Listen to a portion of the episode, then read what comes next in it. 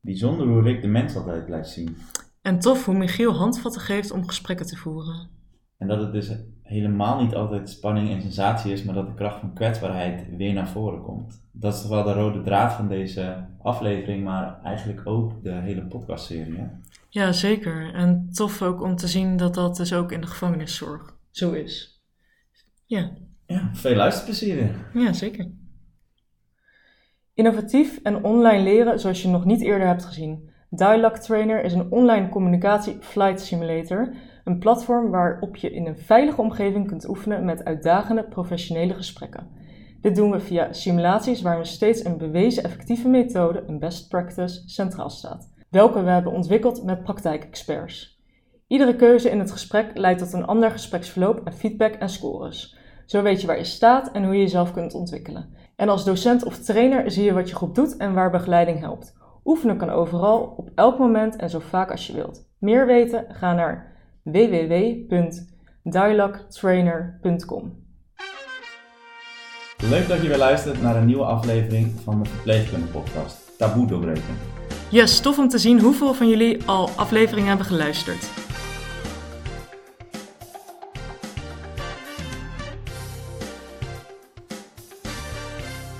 Voordat wij doorgaan naar alweer de derde aflevering, willen wij nog even terugkomen op aflevering 2. ZonMW heeft het project Palliatieve Zorg in de GGZ mogelijk gemaakt. Dit project maakt onderdeel uit van het programma Palliantie Meer dan Zorg. In dit project is een toolkit ontwikkeld en getest. Welke bijdraagt aan proactieve zorg aan de patiënt en zijn naasten vanuit een holistisch perspectief, met aandacht voor zowel lichamelijk, psychosociale en spirituele zorg. De toolkit helpt professionals om hun cliënten in de GGZ de juiste zorg en begeleiding te bieden bij een levensbedreigende lichamelijke aandoening. Meer weten? Check dan de link in de show note. Dan is het tijd voor de introductie van onze gasten. Vandaag gaan we het hebben over de gevangenenzorg, de spanning, sensatie en eventueel gevaar van het vak en communicatietechnieken met biasbroeder Rick en de CEO van Dialogue Trainer Michiel Hulsbergen. Rick werkt sinds juni 2018 bij de DEI. Dat staat voor. Dienst Justitiële Inrichting. Jij kan het beter uitspreken dan dat ik het kan. Op internet is naast jouw Instagram en Facebook pagina weinig over jou te vinden. Uh, welkom Rick. Uh, is, er, is er nog meer informatie die van belang is om van jou te weten voordat we verder gaan? Nee, ik denk dat als je een beetje mijn Facebook en Insta hebt uh, ontdekt, dan is dat denk ik genoeg voorinformatie. Denk ik. Die dat niet hebben gekeken voordat ze deze podcast luisteren?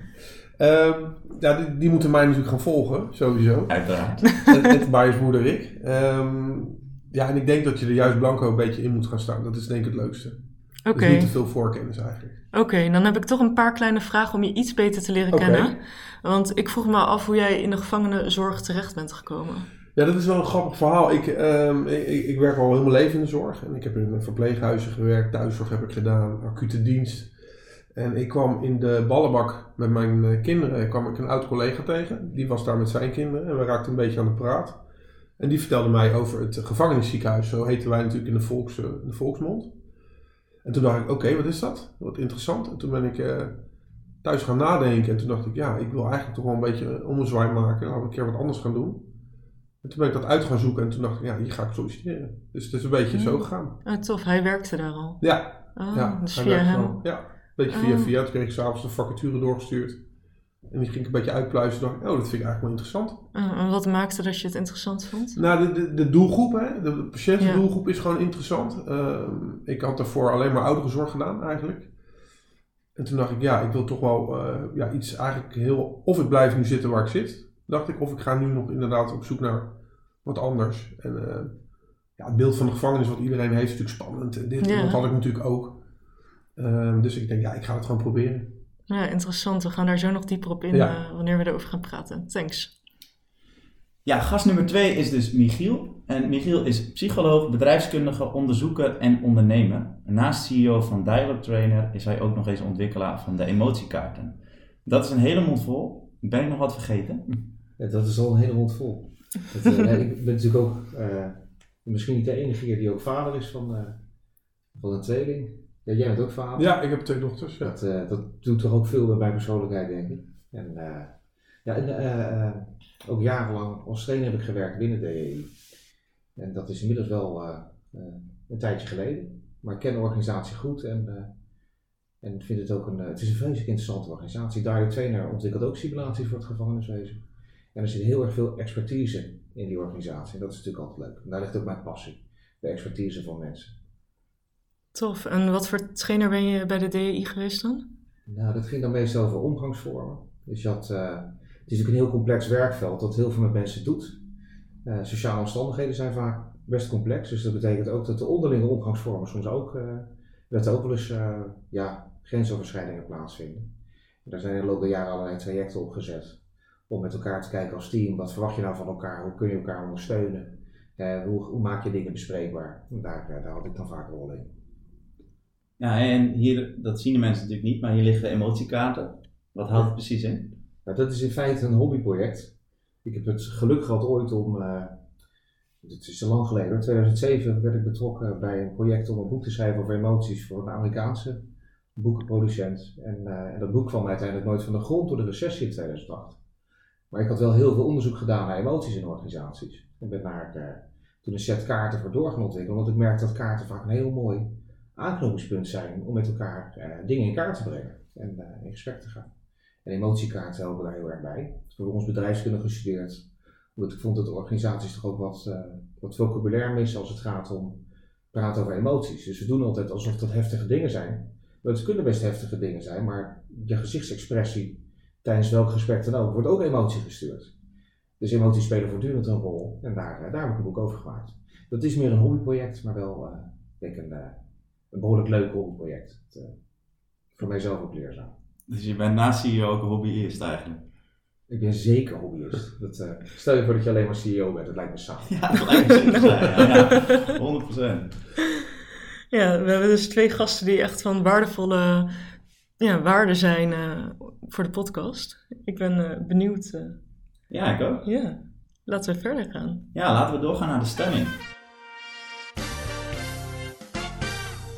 Ja, de stelling van deze aflevering is: Ik vind het spannend om gevangenen of veroordeelden zorg te verlenen. Misschien moeten we gelijk eerst even vaststellen hoe we jouw patiënten, cliënten noemen, Rick. Het zijn patiënten voor mij. Patiënten. Ja, ja. ja. en uh, voor de PW, dat is dan bewaking, zeg maar, uh, die zien een gedetineerde. En ik zie dus een patiënt. Oh, interessant. Ja, ja. dus dat is ook wel. Wij kijken dus eigenlijk beide anders naar uh, die persoon achter de deur. Ja. ja. maar voor mij zijn het patiënten. Ja. Dus uh, de stelling is dan voor jou: ik vind het spannend om uh, mijn patiënten zorg te verlenen. Ja, leuk. Merk je dat, voordat ik verder ga, merk je dat verschil ook? Tussen uh, jullie benaderingswijze? ja, ja, ja, tuurlijk. Ja, ik, ik, ik kom daar zorg verlenen en ehm, die bewaker is voor de veiligheid. als die het niet veilig vindt, dan mag ik ook mijn zorg niet verlenen. Dus dan mag ik niet naar binnen. Dus er is, de, de, er is een verschil, maar je moet ook samenwerken. Uh, en dat is dan weer mooi om te zien dat ja, goed, hij mijn veiligheid garandeert op het moment dat ik in een cel ben. Uh, en als die situatie onveilig begint te worden, ja, dan word ik die cel uitgeduwd, bij wijze van spreken. En dan hm. neemt hij het weer over. Oh jeetje. Is het ook wel eens dat jij het nog veilig vindt en hij niet? Ja, natuurlijk. Of andersom? Ik zie, sommige signalen zie ik niet, hè. daar ben ik niet voor getraind. Ik ben geen eh, bewaker, ik ben geen PW'er. Um, dus ja, sommige signalen die pikken hun dan wel op en die zeggen ja oké, nu wordt het uh, een beetje link. En dan denk ik bij mezelf, nou, ik voelde dat niet echt aan of zo. Natuurlijk door de loop van de jaren uh, merk je dat soort dingen wel, maar in het begin moet je daar wel echt van wennen. Ja. Of dat je misschien wel een uh, wond aan het verzorgen bent en dat je zo gefixeerd bent op het de wond en het materiaal eromheen, dat je misschien geen eens door hebt dat de situatie is. Ja, kan ik me nee, goed voorstellen. Dat, en dat doet die PUW dan wel, hè? Ja. Die, die houdt dan die patiënt in de gaten. En die kijkt dan weer niet naar die wond. En zo doe je eigenlijk allebei iets anders, maar wel uh, om te zorgen, te zorgen dat iemand de beste zorg krijgt. Ja. En vind je het nu nog spannend? Nou, ja, weet je, nou ja, som, eh, bij nieuwe patiënten dan moet je altijd even aftasten. Spannend. Ja, het, weet je, ik, ik weet ook niet vaak waar voor iemand bij mij uh, gevangen zit. Oh. Nou, dus ik weet niet wat iemand gedaan heeft. Uh, maar soms weet ik dat wel. Hè. Dan komt het bijvoorbeeld in het nieuws. En dan, uh, dan weet ik waarvoor iemand ja, gevangen zit. En dan ja, kijk je toch iets anders voordat je naar binnen gaat. Ja, dus je weet niet of iemand voor een klein vergrijp zit of misschien wel een aantal moorden. Nee, vaak weet ik dat niet. Nee. Oh. nee. Wat heb je liever? Dat je het wel weet of dat je het niet weet? Ja, dat is, daar heb ik heel vaak krijg ik heel veel vragen op Instagram ook over. Hè, van hoe kan je nou zorg verlenen aan, eh, aan deze categorie patiënten? Omdat ja, ze hebben allemaal iets gedaan. Ehm, ja, ik wil, het, ik wil het eigenlijk zelf niet weten. Ik wil niet dat mijn, eh, mijn blik gekleurd raakt. Ik wil niet dat ik anders naar iemand ga kijken. Ik wil iemand gewoon, als die deur open gaat, er zit daar iemand die zorg nodig heeft. Ehm, ja, en wat hij dan gedaan heeft, ja, dat is voor mij een beetje bijzaak. Ja. Als het echt een gevaarlijk iemand is, dan krijg ik dat wel van tevoren te horen. Dan ga je met iets meer voorbedachte raden, denk ik, om het zomaar te doen. Beetje, eh, Wat voorzichtiger. ja, ja. Ja. ja, we zijn eigenlijk al met ehm, onderwerp 1 begonnen. Op deze manier. En ik heb natuurlijk nog een stelling. En het zou zonde zijn van onze antwoorden als ik die niet even zou noemen. Het was eigenlijk of mensen vinden het of heel spannend of helemaal niet. En net als de vorige podcast heeft dat weer te maken met ja, onbewust onbekwaam tot eh, ja, eigenlijk de laatste fase naar onbewust bekwaam. Waarbij heel veel mensen ook aangaven dat ze gewoon geen ervaring hebben met Ja. dit stukje. ja. Ja. Had ik ook niet. Dit is natuurlijk een hele onbekende wereld. Dus je kan eigenlijk niet van tevoren eh, dit leren. Nee, precies. Ik heb het zelf een aantal keer meegemaakt en dat is de enige ervaring die ik heb. Maar ja, ik zit hier eigenlijk ook heel nieuwsgierig naar al jouw verhalen. Ja. Dus Ja. Ja, same eh, hier. ja, ja. laten we snel beginnen. Ja, nou, onderwerp 1 dan. eh, let's go. Ja, dus we waren al even begonnen. Ja. Maar voordat we echt de gevangenenzorg induiken, de patiëntenzorg dus eigenlijk, willen we nog even stilstaan bij het überhaupt uitoefenen van de zorg. Wij kunnen namelijk begrijpen dat er soms ook wel frictie kan ontstaan, Rick. En hoe kan je zorg verlenen aan mensen die ja, de ergste misdaden hebben begaan? Ja, dat is. ehm, ja, je, moet, je moet dat wel kunnen, inderdaad. Het is, het is niet eh, voor iedereen weggelegd. Ehm, ik heb wel eens gehad in het verleden, daar kwamen nieuwe collega's werken en die zeiden na twee weken: ja, dit kan ik toch echt niet. Ik krijg het niet eh, voor elkaar om, eh, om zorg te verlenen aan, aan deze patiënten die eh, van alles misdaan hebben. Dus je moet het wel kunnen. Je moet dat uit kunnen zetten op een of andere manier, want anders hou je dat denk ik niet vol. En hoe zet je dat dan uit? Nou ja, weet je, door, ik, ja, ik ga er heel blanco in. Ehm, ik zie inderdaad een patiënt achter die deur zitten. Ehm, ik zie geen gedetineerde. Ik weet wel dat iemand natuurlijk vastzit, dat weet ik. Maar ik probeer daar toch ehm, ja, een beetje nuchter naar te kijken dan iemand die gewoon zorg nodig heeft van mij. Ja, mooi. Ja. Ja, want de vorige aflevering hebben we natuurlijk over morele distress gehad. En als ik jou zo hoor, dan zijn er eigenlijk heel veel mensen die kunnen het niet, omdat ze dus in morele distress terechtkomen. Ja, ja. Nou ja, ja, inderdaad. Je kan het, niet iedereen kan dit.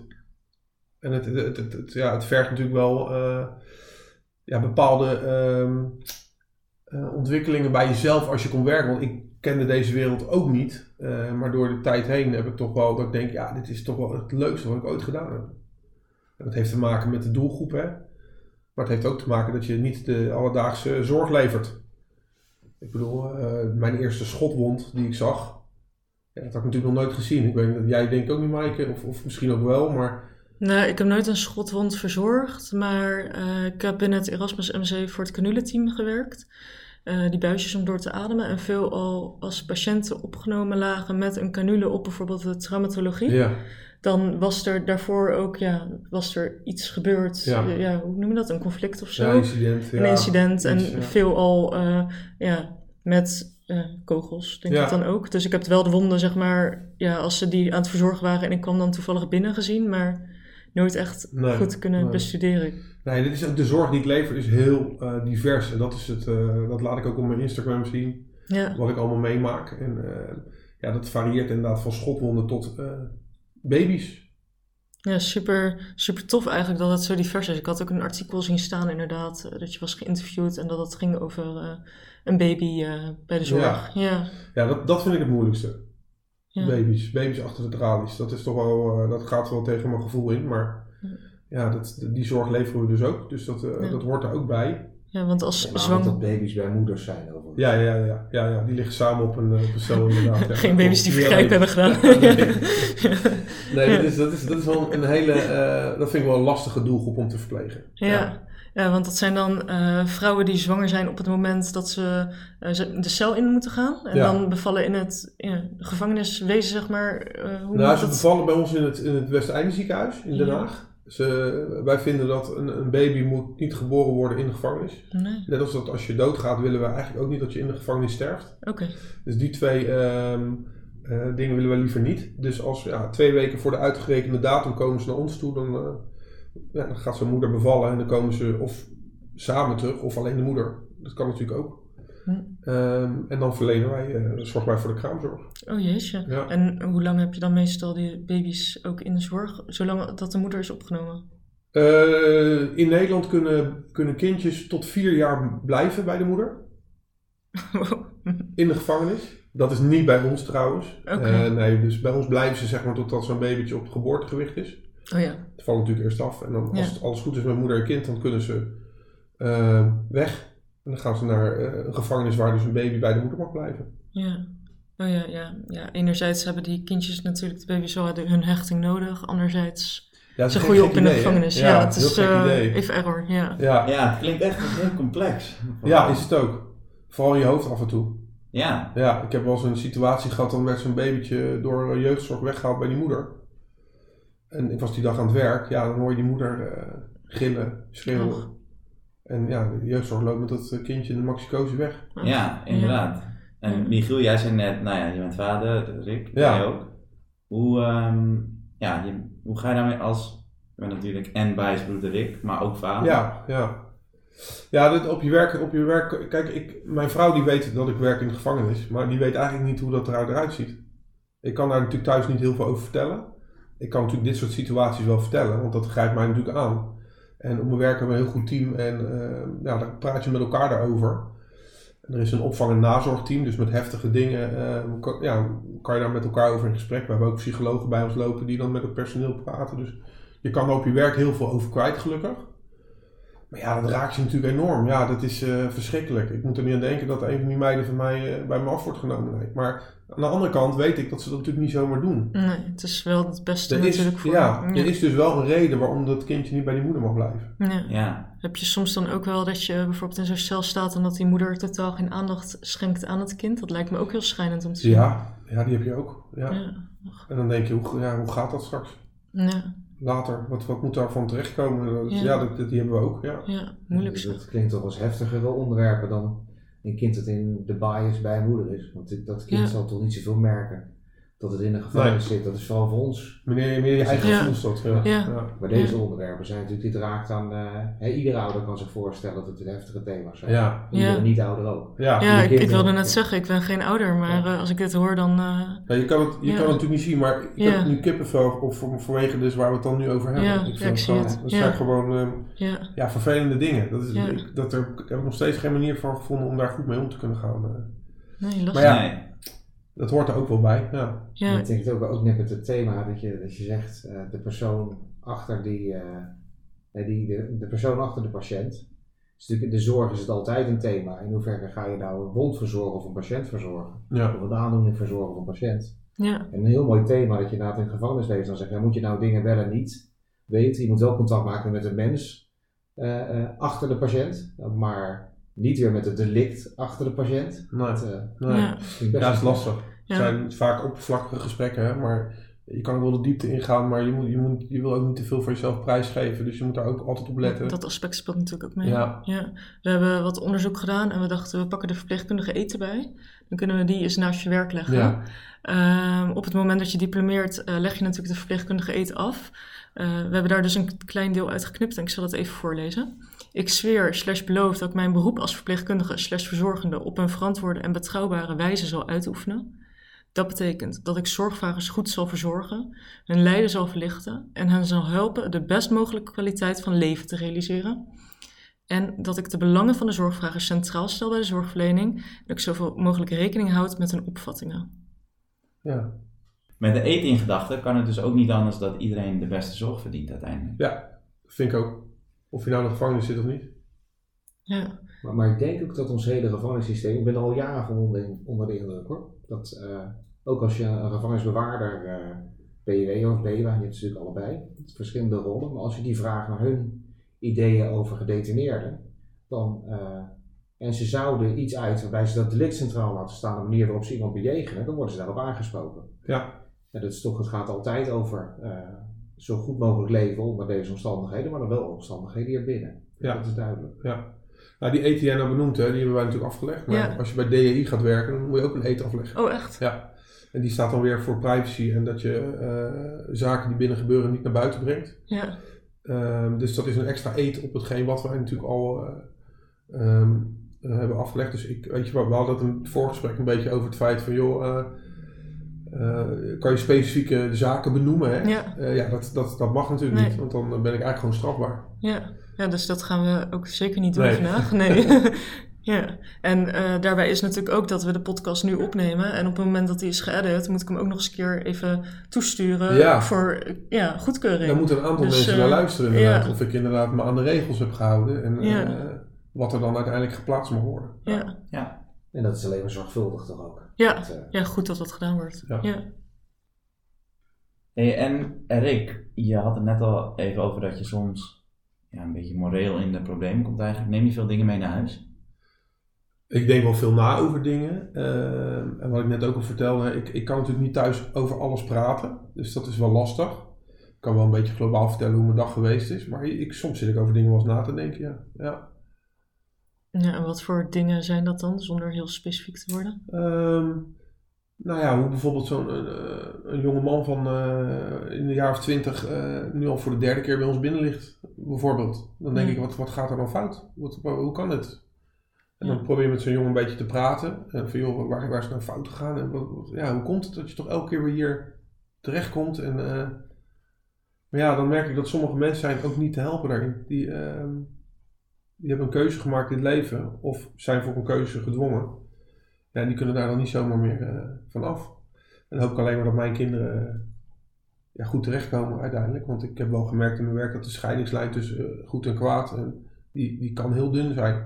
Ja, Dus je kan net de, goede kant opvallen of net de verkeerde kant. En dan kom je er bijna niet meer, eh, kom je er bijna niet meer uit. ja. Jij gaat dit gesprek dus aan, begrijp ik. Als zij ervoor openstaan. Ja, ik ga daar niet vanuit mezelf eh, elke keer over beginnen. Maar ja, als ik zo iemand zie, dan zeg ik, hé, hey, ben je er weer? En dan, eh, ik probeer, ja. Ik denk heel sterk dat je dat doet, maar vanuit welke hoedanigheid doe je dat? Is dat dan als mens of als verpleegkundige? Nee, ook, ook wel als mens. Ik vind ook wel, eh, ik wil ook wel iemand helpen om. eh, die eten hebben we afgelegd om iemand zo goed mogelijk Ja. verder te helpen. En dat probeer ik wel. De kwaliteit van leven. Ja, Ja. ja. Van joh, is dit nou echt wat je wil? Maar, maar dit, is, dit is coachen, wat je doet. Ja. Dus een hele sterke rol. Ja, Ik denk dat je een moment pakt dat ook een hele duidelijke aanleiding is. Iemand ligt voor de derde keer in het penitentiair ziekenhuis. ja. Dat, dan, hè, dat is op zich is dat het moment dat je kunt gaan nadenken over hoe is je leven. Ja, wat ben je nou aan het doen? Ja. Ja, ja en ik probeer heel veel met humor. En dat verlicht bij mij ook wel eh, zware gevoelens hoor. Ja. Om eh, luchtig eh, zo'n zo'n cel, zo'n cel in te stappen. En met een, iemand gewoon een leuk gesprek te hebben. Ja. Eh, ja, dat maakt het wel minder zwaar. Ja, het zit mijn hoofd wat je net zei, dat die scheidingslijn tussen goed en fout zo dun is. Dan betrek ik hem even op mezelf. Als ik zelf eh, op de oncologische afdeling heb gewerkt, dan dacht ik ook dat iedereen die kanker kreeg, zeg maar, dood kon gaan. Ja, Op een gegeven moment, dat moet je ook een beetje kunnen relativeren, want dat is niet zo. Je staat op het punt, zeg maar, van de meest complexe zorg. Jij dus ook. Dus is het zo dat die scheidingslijn tussen goed en fout zo dun is? Of maak jij dat van dichtbij gewoon heel vaak mee? nou, ik heb het wel meegemaakt op het werk inderdaad. Ehm ja, klein voorbeeld. Eh, wa- Wat zou jij doen als, ehm, als er iemand aan jouw kinderen zit? En dan ben je gewoon, heb je een baan. Ik, eh, nou, ik neem jou even als CEO, hè, een goede baan. En eh, ja, je kind wordt ineens misbruikt. Dan, dan, dan, knapt wat in je hoofd. Ja, verschrikkelijk. Ja, dus dat bedoel ik. De- de- de- Er hoeft iets iets kleins te gebeuren waardoor je toch een verkeerde beslissing neemt. Ja, Ehm, ja, en en die, die patiënten hebben daar ook bij. En dat zijn dan geen doorgewinterde criminelen. Maar dat zijn gewoon mensen die hebben een, een keuze gemaakt. ja. En dan Dat begrijp ik het een wat beetje beter. Ja. Ja. ja. complex. ja, is lastig. Ja. Ja. Nee, dan is het wel zo veilig dat we die systemen in onze staat een beetje gescheiden hebben. Want, eh, want bij mij ook. Want, eh, ja, er, er, er zijn dingen die mensen bij aan kunnen doen, waardoor ik ook zelf een wetsovertreding begaan. Dat Ja. ongetwijfeld. Ja. Dat snap ik ook wel. Ik, Ja. ik kan me voorstellen dat je inderdaad eh, in bepaalde situaties, ja, dat dat er wat in je hoofd, eh, dat, dat, Dat dat, het gewoon knapt. ja, Ja. Ja. ja. Ik zou me dat ook kunnen voorstellen. ja, Op voorhand zeg je altijd nee, maar dat doe ik niet. Maar Nee, als de je- situatie er echt is, je, je weet niet wat je doet als je huis in brand Nee. staat. Je weet niet wat je doet als... Ja. Ja, dat is altijd, ik heb ook ooit stage gelopen in de TBS. En dan een van de dingen die je daar doet, ter beschikking gestelde is eh, een delictanalyse maken. En kijken welke, welke stappen hebben nou geleid tot uiteindelijk dat er eh, ja, een duidelijke wetsovertreding was. En dat moet een heftige zijn hè, als je in uh, TBS terechtkomt. Ja, Maar dan zie je ook, in veel gedrag is natuurlijk op een gegeven moment is er een moment dat je ergens een keuze kunt maken. En veel van die keuzes kunnen je ook nog wel worden vergeven door een rechter, vermoed ik. Maar er zijn er ook bij dat we zeggen, nou dat, dat was toch echt een, eh, dat was een duidelijk kantelmoment. En dan zouden wij misschien de vertegenwoordigheid van geest op dat moment hebben om, om ons in te houden en misschien ook niet. En daar is het kansafhankelijk denk ik ook. ja. Dat, Ja. Ja, die keuze wordt natuurlijk ook beïnvloed door veel meerdere dingen. hè. Wij hebben bijvoorbeeld ook eh, eh, verslavingszorg. Dus iemand die een delict pleegt terwijl hij bijvoorbeeld aan de GHB zit. En die wordt dan drie dagen later bij ons in de cel, wordt hij ineens weer wakker, zo noem ik het even. Dan denk je, wat heb ik, wat is er nou gebeurd eigenlijk de afgelopen drie dagen? Komt hij uit zijn roes? Ja. En heb je geen idee wat er allemaal gebeurd is. Zo. Ja, en dat is dan ook wel, eh, ja, dat is ook wel heftig.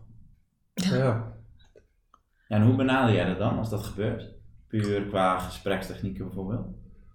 Ehm, nou ja, lu- veel luisteren eigenlijk. Niet oordelen, alleen luisteren naar iemand. En eh, als hij wil weten hoe het de afgelopen dagen gegaan is, dan vertel ik hem dat. Ehm, maar het is voornamelijk veel luisteren. Dus hebben, sommigen willen heel graag praten en dingen vertellen. En de ander die eh, wil eigenlijk helemaal niks kwijt. Dus eh, het is maar net hoe zo'n patiënt erin zit en wat hij wil. Kom je veel schaamte tegen? Ja, tuurlijk. Ja. Ja. Ja, heel veel emoties kom je natuurlijk als je die deur dicht gaat en je zit, eh, het grootste deel van de dag zit je achter die deur. Ja, dan kom je natuurlijk eh, tot besef en dan ga je nadenken en dan, eh, ja, dan heel veel verdriet en, eh, en, en, en woede en, en dat soort dingen, dat wisselen elkaar allemaal af. Ja. Ja. Ja, ik kan me niet voorstellen, maar ik kan me wel een soort van indenken dat je je ergste demonen tegenkomt als die deur dicht gaat. ja. Ja. Voordat we daar dieper op induiken, is het misschien nog even goed om stil te staan bij wat voor zorg er nou precies achter die gevangenismuren allemaal wordt verleend. ja. Eh, op Instagram hebben we om een paar casussen gevraagd, maar misschien kan je eerst even vertellen van, we hadden het net al over die schothonden. ja. Van wat, wat zie je allemaal? Hoe breed is dat spectrum? Ja, nou ja, wat ik net zei, eh, inderdaad, we hebben. eh, het, vroeger heette het het gevangenisziekenhuis. Het heet nu het Justitieel Centrum voor Somatische Zorg, JCVSZ. Dat heb je mooi gezegd. Ja.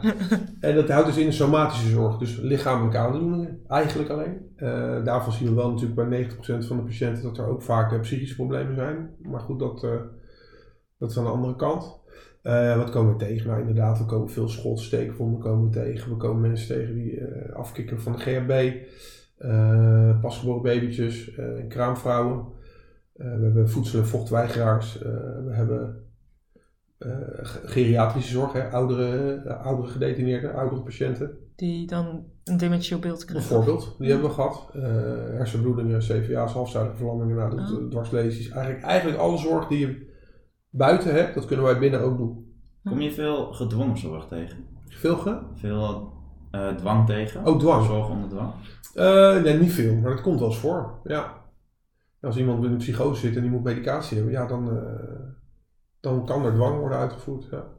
Ja. Hoe ziet die dwang eruit, even om mensen een beeld te geven? Nou ja, goed, we gaan eerst dan kijken we samen met de dokter van joh, wat, wat, wat, wat gaan we doen? Hoe kunnen we iemand weer een beetje op aarde krijgen? Eh, ja, dat houdt dan ook, dat kan inhouden dat er een aantal PUW's meegaan, die houden iemand stil op zijn bed en dan zet ik hem een, een prik, bijvoorbeeld. Ja. ja, dat kan gebeuren, want er zijn denk ik ook er zijn veel mindere, mildere vormen ook waarschijnlijk van dwang. Zeker, zeker. Ja, Dit is wel extreem wat ik nou is bedoel natuurlijk. Ja. Ehm, we hebben bijvoorbeeld ook medische fixatie. Eh, nou, de Zweedse banden uit de verpleeghuizen, nou, die ken je wel denk ik. Maar Ja. goed, dat hebben wij ook. Eh, als iemand wilsonbekwaam is dan, ehm, en zijn eigen behandeling in de weg zit, ehm, dan, dan kunnen wij, mogen wij dus iemand aan bed vastleggen ehm, om een behandeling zoals bijvoorbeeld een infuus of eh, ja, noem maar wat, eh, om dat doorgang te laten geven. Er zal altijd zo'n criterium zijn dat iemand een gevaar is voor zichzelf. Ja, of en voor de ander. Ja, ja. Dus er wordt zeker niet eh, mild mee omgesprongen. Nee, maar dat gebeurt ook bijna nooit hoor. Ik, maar, maar goed, het, het kan zijn dat dat wel eens voorkomt. Ja, en dat, ook dat gaat tegen je gevoel in, hè? want daar ben ik geen verpleegkundige voor geworden. Om iemand Nee. vast op een bed te leggen. En, eh, Nee, ik denk ook echt dat ik, het, dat ik dat het meest verschrikkelijke van al mijn tijd als verpleegkundige vond. ja, Mensen in Zweedse banden, vijfpuntfixatie. ja, eh, tafelblad op de stoel. Ja, Dat ze er verschrikkelijk. niet op echt konden dat ze er niet Ja. uit konden. Ja. Dat ze aan, het, aan het tafelblad aan het rammelen Ja. en schudden waren van laat me eruit. Ja. Extreme machteloosheid, ja. Dat je Ja. soms maar kunt bewegen. Ik heb wel eens een patiënt horen zeggen van, ik word hier als beest behandeld. Ja, Ja. heb ik ook wel eens een keer gehoord. Doe me nu denken aan een casus van een man die had eh suïcide gepleegd. Poging daartoe van. Eh, poging tot, Ja. T- ja. TS heet dat toch? Tentamen suïcide. Ja. Ja. Ehm, en dat was dus niet gelukt. Nee, ik was aan het nadenken. Dat was denk ik in mijn studententijd nog. En was op een vierpersoonszaal. En er lag zelfs nog een patiënt ook nog op die kamer. En toen werd hij dus een beetje wakker uit zijn roes. En eh, hij lag vijf punten gefixeerd en het vond het verschrikkelijk, want hij had het allemaal niet gewild. Nou, die, die machteloosheid, Ja, inderdaad, ja, wat jij net. Ja. zei, wat je dan voelt, verschrikkelijk. Ja. Heb, jij dan ook tentbedden? Dat is een hele nieuwe ontwikkeling. Ik weet niet of iedereen dat kent, ook voor de mensen die luisteren. Het is dus echt een, Een kooi. ja, Ja. Ja, een soort kooi. Ja. met een soort gazen Ja, waardoor ja. mensen niet meer gefixeerd hoeven worden, maar daar wel rustiger door worden. Ja, die, die kunnen wij wel gaan gebruiken. eh, maar dat is gewoon dat is heel lastig om die, dat zijn nogal grote dingen, Mhm. om hem door zo'n cel doorheen te krijgen bijvoorbeeld. Maar we, Oh ja. dat, dat zou, die, hebben we, die hebben we tot onze beschikking, maar ja, ook die heb ik sinds ik daar werk nog niet meegemaakt. Maar dan is het denk ik ook veel al dat je, eh, wat je net vertelde, dat je bijvoorbeeld medicatie onder dwang moet geven. Als je dan in een tentbed ligt, dan kan je alsnog je infuus eruit trekken. Ja, Dus niet zozeer tegen Nee. de onrust, zeg maar, je fixeert omdat er middelen moet, Ja. toegediend moeten Ja. worden. En dan ook tegen onrust dan, of dat minder? nee, het is meer, het is, wij leggen echt iemand alleen vast als het een gevaar wordt voor zichzelf. Of inderdaad als iemand een antibiotica moet krijgen, dan trekt hij er elke uit of iets. Ja. Dan, dan leggen we iemand eh, eh, vast. Maar echt, dat, het gebeurt Ja. zelden hoor. Maar het, het kan, Ja. het kan. Ja. ja. En ja, ik heb een beetje mijn ervaringen net al verteld hè, met die patiëntenzorg. Heb jij nog casussen die je nog weet eh, uit jouw tijd als verpleegkundige? Thomas? Ja, die casus die ik net vertelde, was ook iemand die had ehm, ja, zelfmoord geprobeerd te plegen. Die had met een schaar toevallig door zijn ribben precies in zijn hart gestoken. Ehm, ja, dus die lag onder dwang. Maar ik weet ook nog wel, ik heb ook een keer een jongen gehad. ehm, ik denk van rond de 18 of iets dergelijks. En op een gegeven moment hij zei, ja, ik moet even wat dicht bij dat stopcontact liggen. Dus ik zei, ik zeg, goed, geen idee waarom. En op dat moment haalt hij zijn broekspijp omhoog en had hij dus een enkelband om en moest zijn enkelband opgeladen worden. Oh. En jij wist niet dat hij die enkelband Nee, om had? geen idee. Nee, wat, wat, wat voelde je? Wat deed je? Ja, niks. Ik zeg, oh, ik zeg, oh, interessant. Ik zeg, je hebt een enkelband om. Hij zei, ja, ik zeg, wat heb je gedaan? Hij zei, ja, ik kan er niet te veel over zeggen, want ik Ja. moet nog... Die zaak loopt nog. Ja, de zaak loopt nog. Ja, Oh. Ja, ja. Prima. weet je in ieder geval dat hij iets te verbergen had. Eh, Ja, hij wilde niks over zeggen, dus ja, dan is het ook goed voor mij. Wat mij betreft, er veranderde niks. Ik voelde me niet in gevaar of iets dergelijks. Als het onveilig was geweest, dan was er iemand bij geweest. Dus ja, wat dat Ja, betreft. eh, Inderdaad. In het ziekenhuis staan er dan bewakers bij natuurlijk. Ja. ja. Ja. En we hebben op Instagram ook een paar casussen gevraagd. We wilden er twee delen, toch? Nummer 1 is dat ze bedreigd is door iemand. En diegene zei dat hij of zij haar kwam opzoeken met een vuurwapen. En daardoor is ze heel erg op haar hoede. Oh, doe maar. ja.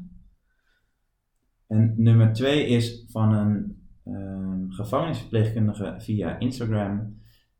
Diegene eh, zei: Mijn omgeving denkt vaak dat 100% gekleurd is en dat de gevangeniszorg vergeleken kan worden met een hotel. Maar dat is natuurlijk niet zo.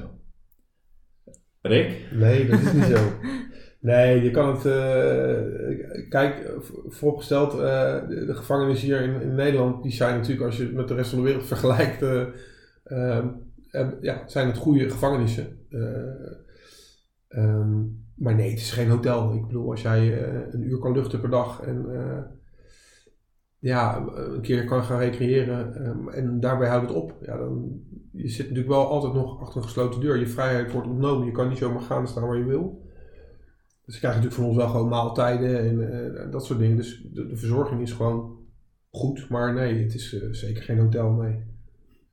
Ik denk Nee. ook wel. Er zijn misschien wel mensen soms die zeggen dat het zo ontzettend makkelijk is ook in de baaien zitten. Gedetineerden die dat zeggen. Maar ik denk nooit dat ze het echt menen. Nee, Dat, eh, dat denk ik leuk ook is niet. het niet. Dat stoere praat is. Ja. ja. Het lijkt me ook eh, totaal niet chill.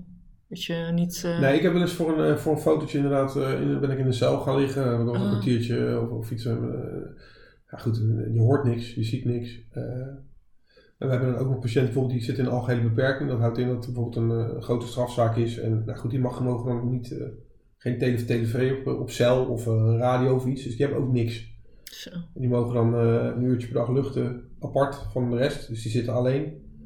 Die mogen alleen bellen met de advocaat. Nou, moet je je voorstellen Ja. dat je dus de rest van die dag 24 uur achter die deur zit. Daar word je helemaal gek En van. 23 uur, ja, dan ben je gek. Ja. Ja, dus ik... ik eh, en ik kan me ook wel voorstellen dat mensen bijvoorbeeld ehm, ja, gaan flippen. Als die deur open gaat en ik ben de eerste die ze zien, dat ze dan ja. ehm, ja, boos worden of weet ik veel vanuit onmacht. Dus dat, dat begrijp ik ook heel goed. Dat Gewoon mensen- een ontlading hebben tegenover jou. ja, ja. ja. dat snap ik. Dus ik, eh, ja, ik ben nog steeds blij als ik de gevangenis uitloop. Ik ga naar huis. Dan denk ik, wauw, ja, ik ben vrij. Ik kan naar mijn gezin. Ik kan naar huis. Ik eh, kan doen wat ik wil. Ja. En daarbinnen is dat toch een ander verhaal. Ja. Ik denk, hoeveel procent zit bij jullie, want het, eh, het ziekenhuis zit geïntegreerd in een gevangenis, hè? Ja. Hoeveel procent twee op één cel zit daar? Hoeveel procent? Twee op één cel. Oh nee, ja, we, we hebben ehm, de PIH Haaglanden, daar werk ik. Hè, en die hebben drie verschillende onderdelen. Dat is dus het JCVZ, het PPC, dat is het Penitentiair Psychiatrisch Centrum. En we hebben de internationale tribunalen. Eh, dus het zijn drie gedeeltes. En ik werk dan inderdaad in JCVZ. Daar hebben we drie afdelingen, waarvan één afdeling eh, is de inkomstenafdeling. Daar ligt iedereen alleen, alleen op cel. En we hebben ook zalen, dus daar kunnen ze dan met z'n tweeën inderdaad... eh, maar goed, dat gaat niet zomaar. We moeten kijken of mensen daarvoor geschikt zijn en eh, daar, daar Ja. kijken heel veel mensen naar. Nou, als je dat hebt, dan heb je inderdaad nog een beetje aanspraak. Dus dan kan je nog met elkaar een praatje maken of een spelletje doen of iets. Wat Ja. dan weer andere nadelen heeft natuurlijk. Want dan heb je weer geen, eh weet het, eh, privacy. Nee. Eh, dus echt leuk wordt het nooit. Nee, het wordt niet leuk. Nee, het, eh, nee. Hm, We hadden ook nog een vraag via Instagram binnengekregen. Eh, hoe je in de gevangenis omgaat met eh, de privacy bij ziekte en of klachten. Ja, dat is natuurlijk wel lastig, want er is altijd een PIW'er bij mij. Ik sta nooit alleen bij een patiënt. Nee. Eh, maar goed, ook die hebben diezelfde eet moeten afleggen voor DEI die ik heb afgelegd. Dus ehm, ja, wat, wat daar besproken wordt, ja, dat, dat, dat blijft daar. Dat gaat niet rond door het, eh, door het gebouw, zeg maar. Dus die privacy, ja, dat is lastig. Ehm, ja, die is natuurlijk veel minder dan eh, als je bijvoorbeeld in een, een regulier ziekenhuis ligt. Ehm, Ja, Maak je wel eens mee dat een patiënt wel iets met jou wil delen, maar niet met de PW? dat is, is- ze vragen dan wel eens bijvoorbeeld of ze alleen met mij in gesprek kunnen. Ja, dat kan. Dan zeg je, ja, dat kan niet. De- zij zijn er voor mijn veiligheid. En, eh, ehm, ja, dit moet, dit moet zo. Ook als we artsenronde hebben bijvoorbeeld. Ja, dan staat de dokter erbij. Ik als verpleegkundige, maar ook een PW'er. Dus dan worden ook de medische problemen worden daar besproken. Ehm, als een psycholoog bijvoorbeeld ook in gesprek gaat met, met, een, met een patiënt, ja, dan, dan staat er toch ook een PW'er eh om de hoek erbij, of in ieder geval in de buurt, eh, om in te grijpen, stel dat er iets gebeurt. Ja, puur vanuit, nou, vanuit verpleegkundige is het natuurlijk super lastig, omdat je als zorgverlener wil je natuurlijk altijd een soort veilige omgeving bieden voor patiënten. En die hebben ze eigenlijk nooit op deze manier. Nee. Tenzij ze zich heel erg veilig voelen bij de PW natuurlijk. Ja. Ja, dat, dat is natuurlijk wel, eh, daar kijken ze natuurlijk zelf ook naar hè, op een dag. Stel dat iemand een, een gesprek wil hebben, dan kijken we wie er is. Hè. We- Die, die patiënten hebben mentoren. De PW is een mentor. Ehm, en als die er is en die wil graag in gesprek met mij, dan zorgen we dat, er, dat die mentor erbij is. Dat je, wat je zegt, dat je een beetje vertrouwen hebt met elkaar en dat je elkaar kent. Maar ja, het is en blijft een gevangenis. Dus je privacy, ehm, eh, dat, het is wel een lastig punt. Als de celdeur dicht is, ja, dan heb je, eh, heb je je privacy. En als wij bij jou komen, ja, dan is dat toch een eh, lastig punt. Ik denk dat HIV is tegenwoordig minder een issue, hè? maar dat lijkt me typisch een onderwerp waarbij ik als gedetineerde zou kunnen willen dat andere mensen dat niet weten dat Ja. ik dat heb. Ja, Komt dat inderdaad voor? Eh, ja er worden wel zo testen gedaan en dat soort dingen. Ja, ja, ja. En dan ben je dus de mentor, die hoort dat ook, Ja. dat hij erbij zit, die PEW. Ja. Ja, nou ja, weet je, we hebben ook bijvoorbeeld ehm, eh, TBC, tuberculose. Nou, dat komt ook nog wel eens voor. Daar hebben we speciale cellen voor. Daar moet je helemaal ingepakt naar binnen. Mm. Ja, daar gaat ook een PW mee naar binnen. Dus die gaat ook in zo'n pak. En die zit er ook bij als ik eh, iemand moet verzorgen, bij wijze van Je spreken. hebt eigenlijk gewoon continu schaduwdekking. Ja. Ja. En dat moet ook wel. Ja. Er kan natuurlijk zomaar iets gebeuren. Ja, en als ik daar alleen sta, dat, eh, ja, dat, ik heb dan wel een pieper bij me waar ik op kan drukken, een alarm maken. Maar als iemand mij beet heeft, dan eh, ja. Ja. ja, natuurlijk. Ja, veiligheid moet natuurlijk altijd eerst. ja. Dat staat voor de, dat staat voor de zorg. Inderdaad. Ja. Dus eerst veiligheid, dan zorg en dan privacy misschien. Ja. Ja. Ja. Ik Ja, denk dat privacy in ze- zekere zin wel, wel heilig is, maar dat je, dat je kijkt voor wie is dan die privacy inderdaad. Ja. Naar buiten mag het niet, hè? dat is gewoon een eet. Ja. En het zou een doodzonde zijn als je, dat, eh, als je buiten de deur zou praten over iemand. Ja. Want ik kan me voorstellen dat je, heb je ook momenten met PW'ers samen, dat je iets hebt gehoord van een gedetineerde en je zegt van goh, dat was even heftig om te horen. En eh praat u met Ja, hem? ja, ja. We stemmen, we stemmen sowieso s'morgens wel eh, na de overdag het werk af. Voor wat, wat eh, moet er gebeuren en eh, eh, wie van de patiënten zit er goed in en wie niet. Dat is, en en ja, tijdens die hele dagdienst, of de late dienst of de nachtdienst, ben je continu in overleg met elkaar. Ja. Joh, ik wil graag daar even naartoe, kan je mee? Nou, of, nou goed, en dan bepalen hun uiteindelijk inderdaad of ik ergens naar binnen mag of niet. Dus je bent continu in overleg. Omdat juist het stukje somatiek, dat is heel belangrijk. Hè? We willen dat die wondzorg geneest. Maar daarnaast willen we eigenlijk ook dat iemand zich wel prettig voelt bij ons. En ja, dat doe je dus door die gesprekken. En, eh, En over dat prettig voelen heb je het ook met die PW'er? ja, ja, Ik kun je voorstellen, want ik vind, het ik vind het fascinerend. Ik denk dat veel mensen buiten de gevangenis dat niet weten.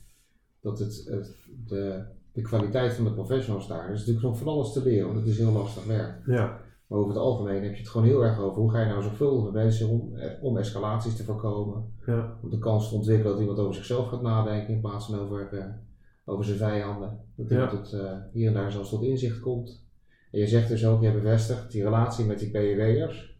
Er, zit, er zit, zit er vaak spanning in, eh, in gesprekken tussen jou en PEW'ers over dingen die je wilt. Nou, er zijn best wel eens, eh, het schuurt af en toe, natuurlijk. Ja. En ik denk dat dat goed is. Ehm, ja, ik, ik heb, over bepaalde dingen heb ik een mening. En als ik dat kan ventileren, nou, dan, dan doe ik dat. Het wil niet zeggen dat dat dan ook lukt. Eh, want hè, veiligheid staat voor, we hebben het de hele tijd over. Dus ja, als ik ergens iets van vind en het, het is veiligheidstechnisch niet haalbaar, ja, dan, dan houdt het op. Ja. Ja. ja. Dus dat schuurt af en toe. Maar het is meer eh, dat het wel fijn samenwerken is. Ik bedoel, dat, ja, Dus je schuurt op inhoud en je, Ja. je hebt met elkaar een discussie daarover, je Ja. prioriteiten, maar op, in de persoonlijke relatie schuurt het. Nee, dat, dat leggen we wel snel naast neer, want we moeten wel gewoon weer verder met elkaar. Dus je, we kunnen een discussie hebben over bepaalde zaken en dan, nou, dan spreken we dat uit en dan klaar en dan gaan we weer verder. Ja. Dat blijft niet sudderen. Dat is ook niet de Haagse mentaliteit.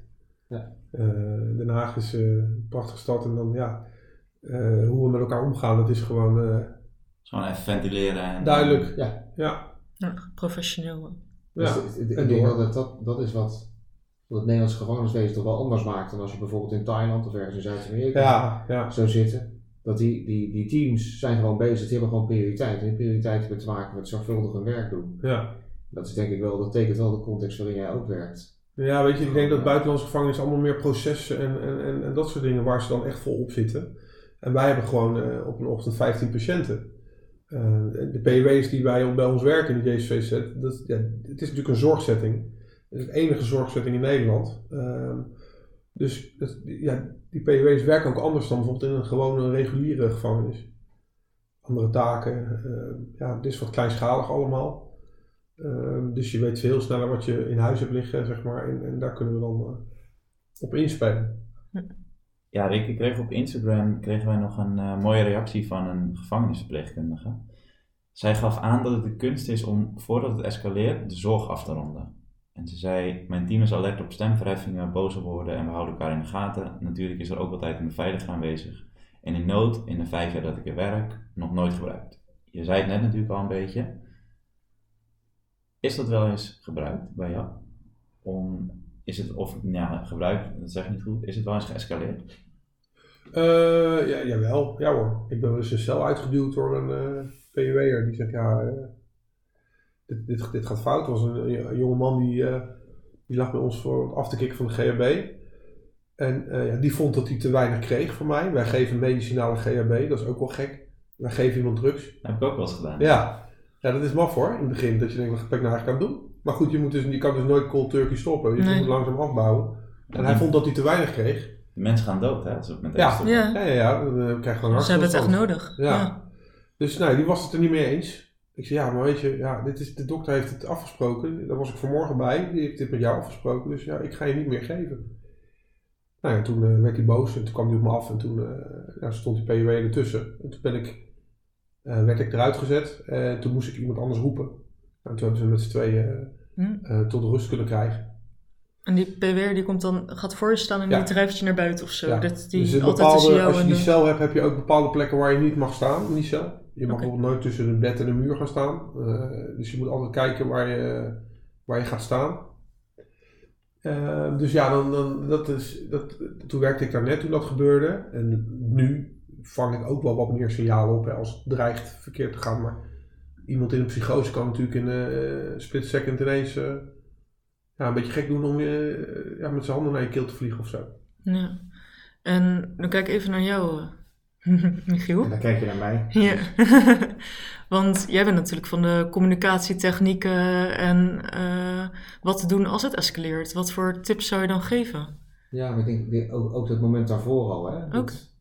Die, eh, de eerste tip is natuurlijk altijd luisteren goed naar wat, jij, wat je eigen emoties je ingeven. En hoe klein ook.